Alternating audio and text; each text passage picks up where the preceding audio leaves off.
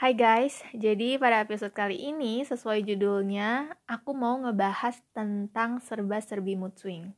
Kenapa sih kok suasana hati kita bisa berubah-ubah? Apa sih yang memicu suasana hati kita jadi berubah? Kenapa kita bisa kemudian? Dan gimana cara kita buat ngatasin hal tersebut? Yuk dengerin.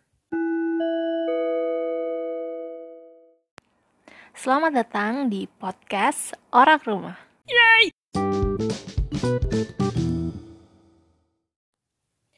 Kali ini sebelum ngomongin tentang si mood swing ini, aku tuh pengen deh cerita dulu ke kalian. Kalau misalnya tuh aku seneng banget ngelihat orang-orang sekarang tuh udah mulai pada sadar akan kesehatan mental. Kalau nih ya, kita bandingin sama tahun-tahun sebelumnya, orang-orang tuh kayak cenderung gak peduli gak sih sama kesehatan mentalnya.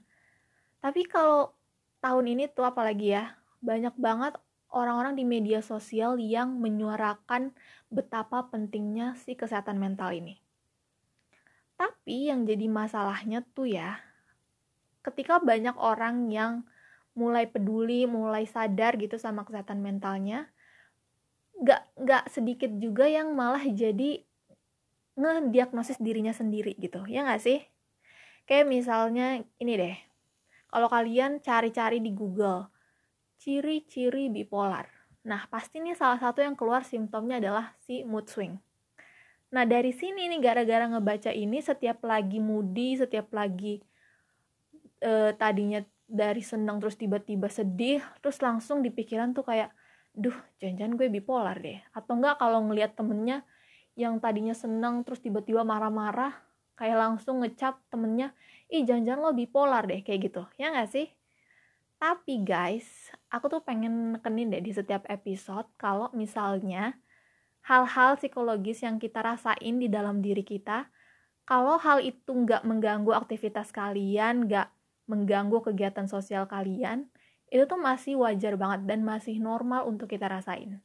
Kecuali nih, kalau misalnya kalian udah ngerasa, aduh kayaknya ini udah mengganggu banget diri kalian atau udah ngeganggu banget kegiatan kalian gitu. Nah, mungkin ini yang perlu diperhatiin dan mungkin kalian bisa mencari bantuan profesional. Nah, setelah kita udah pada tahu kalau misalnya mood swing tuh normal dan wajar uh, kita rasakan selagi memang nggak mengganggu kehidupan sehari-hari kita, aku pengen menjelaskan apa aja sih yang menjadi pemicu terjadinya perubahan suasana hati pada diri kita karena kan gak mungkin banget gak sih? Gak ada angin gak ada hujan tiba-tiba kita yang tadinya seneng terus langsung tiba-tiba bete. Pasti ada penyebabnya kan? Nah apa aja sih pemicunya? Jadi yang pertama itu adalah hormon pengaruh hormonal. Kayak misalnya nih cewek-cewek yang lagi PMS atau ibu-ibu yang sedang dalam masa kehamilan atau menyusui. Atau mungkin juga orang tua yang udah mulai memasuki masa menopause di mana tuh hormonnya lagi yang kayak naik turunnya lagi nggak stabil stabilnya akhirnya nyebabin atau nimbulin gejala fisik yang bisa dirasain. Kayak misalnya eh, sakit pinggang sakit perut kayak nyeri di bagian-bagian tertentu. Terus bisa juga nimbulin cemas kurang tidur dan segala macam lainnya yang bikin mood tuh jadi nggak enak gitu. Jadi kayak bikin bad mood aja Nah, itulah yang nyebabin kenapa sih suasana hati kita berubah karena hormon tuh nimbulin gejala fisik yang akhirnya bikin kita nggak nyaman dan akhirnya pengaruh deh sama mood kita hari itu. Nah, yang kedua adalah kurang tidur. Nah, ini uh, aku ngerasain banget sih kurang tidur ini uh, sangat sangat sangat mempengaruhi mood aku. Kayak misalnya aku tuh gara-gara pandemi ini jadi sering tidur di atas jam 1 pagi kayak misalnya jam 2 pagi, jam 3 pagi, terus bangun-bangun jam 12 siang. Padahal kan kalau dihitung-hitung sebenarnya sama-sama 8 jam kan.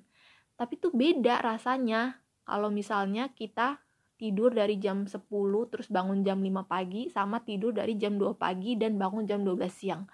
Itu beda banget dan kerasa banget sih di badan kita kayak jadi pas kita bangun nih lemes pertama. Ngerasain lemes bukannya malah seger tapi lemes. Terus akhirnya gara-gara lemes eh, nggak uh, semangat buat ngejalanin hari nggak semangat buat ngapa-ngapain dan akhirnya udah tiduran lagi. Akhirnya jadi nggak mood. Moodnya tuh jadi nggak stabil. Nah ini kenapa kurang tidur bisa nyebabin uh, uh, apa ya suasana hati kita jadi berubah. Karena itu kita jadi kecapean uh, kurang energi akhirnya pengaruh deh ke mood kita. Nah yang ketiga adalah konsumsi makanan tinggi gula.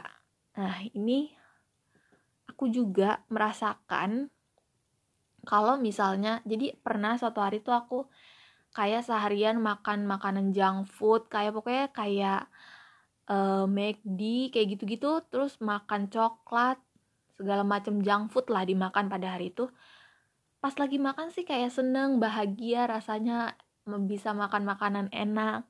Tapi tuh pas setelah makannya tuh kayak gimana ya ngerasa kayak kayak nggak enak aja badannya tuh kayak lemes terus akhirnya nggak semangat lagi nggak semangat lagi. Akhirnya bikin mood kita jadi nggak bagus. Tapi pas aku e, makan makanan yang kayak makanan sehat gitu makanan rumahan kayak sayur kayak gitu-gitu itu tuh beda banget hasilnya sama pas kita makan junk food. Jadi pas aku makan yang sehat aku jadi kayak berasa lebih seger berasa lebih bertenaga gitu. Akhirnya moodnya tuh jadi kayak seneng kayak enak kayak gitu dan emang sih ada faktanya juga kalau misalnya kita konsumsi makanan yang tinggi gula kayak junk food itu kan gulanya juga termaksud yang tinggi kan. Itu tuh bisa mm, menyebabkan kita kelelahan. Yang akhirnya e, berdampak sama e, suasana hati kita. Dan juga tuh suka ada nggak sih e, yang ngomong gini kalau misalnya lagi patah hati atau lagi galau lagi sedih bilang udah makan aja. Makan coklat yang banyak biar seneng lagi. Aku dulu juga mikirnya kayak gitu kalau makan coklat yang banyak tuh jadi seneng padahal enggak sama sekali. Malah kalau kebanyakan tuh kayak jadi itu yang tadi aku bilang pas makan seneng-seneng aja terus pas setelahnya tuh jadi lemes kayak aduh kenapa tadi makan segitu? Kayak gitu. Kayak langsung jadi menyesal. Dan yang terakhir adalah stres. Nih apalagi masa-masa pandemi kayak gini kita udah berapa bulan sih di rumah aja? Kalau aku tuh dari bulan Maret akhir dan sekarang udah bulan Juli ya. Udah mau akhir-akhir Juli berarti udah berapa bulan? Udah empat bulan kita di rumah aja. Dan stres banget gak sih pastinya?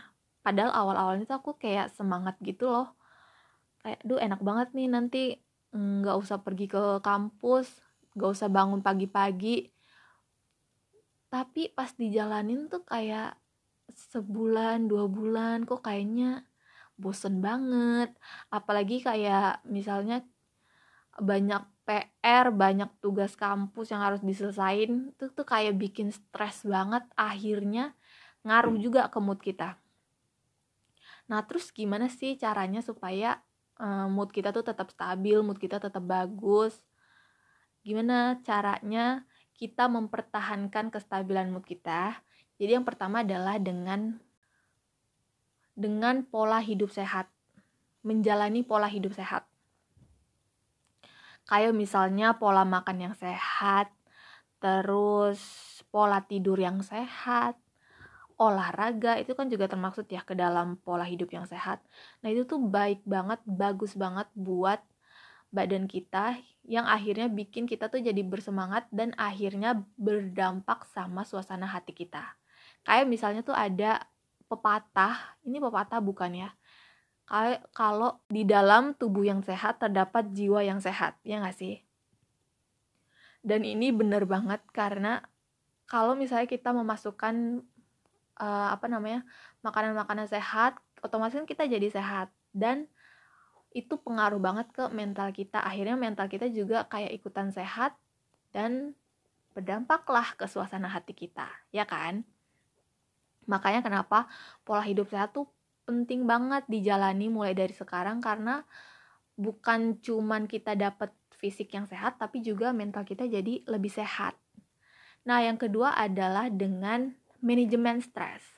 Nah, manajemen stres ini kalau aku ya, kalau versi aku um, buat memanage um, stres yang aku miliki, biasanya nih aku melakukan meditasi.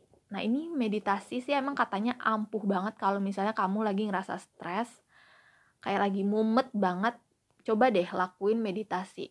Emang sih awalnya tuh susah gitu karena kita harus ternyata e, ngatur nafas itu kan apa ya kalau dilihat-lihat itu kan gampang gitu kan. Tapi pas dicoba ternyata susah banget ngatur nafas sambil kita ngatur pikiran kita biar kita fokus sama pikiran kita. Itu tuh emang ternyata susah banget tapi lama kelamaan jadi kayak gampang gitu loh.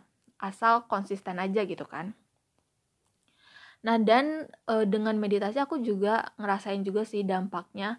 Kita tuh kayak jadi lebih rileks jadi lebih tenang jadinya juga balik lagi berpengaruh sama suasana hati kita. Walaupun ada yang bilang kalau misalnya meditasi itu harus mengosongkan pikiran padahal enggak guys. Sebenarnya meditasi itu adalah memfokuskan pikiran jadi bukan mengosongkan pikiran tapi ngefokusin pikiran kita. Jadi tuh biar kita jadi bisa berpikir lebih jernih kita jadi bisa lebih waspada kayak gitu. Lebih fokus lah intinya. Coba deh kalian uh, kalau misalnya ada waktu atau lagi stres coba uh, meditasi atau mungkin juga bisa yoga atau mungkin sambil ngedengerin musik ya senyamannya kalian. Dan rasain deh apa yang terjadi di dalam tubuh kalian. Emang sih awal sulit tapi lama kelamaan pasti kebiasa kok. Nah segitu aja dulu podcast hari ini. Uh, sampai ketemu di podcast selanjutnya. Makasih udah mau ngedengerin podcast aku kali ini dan dadah.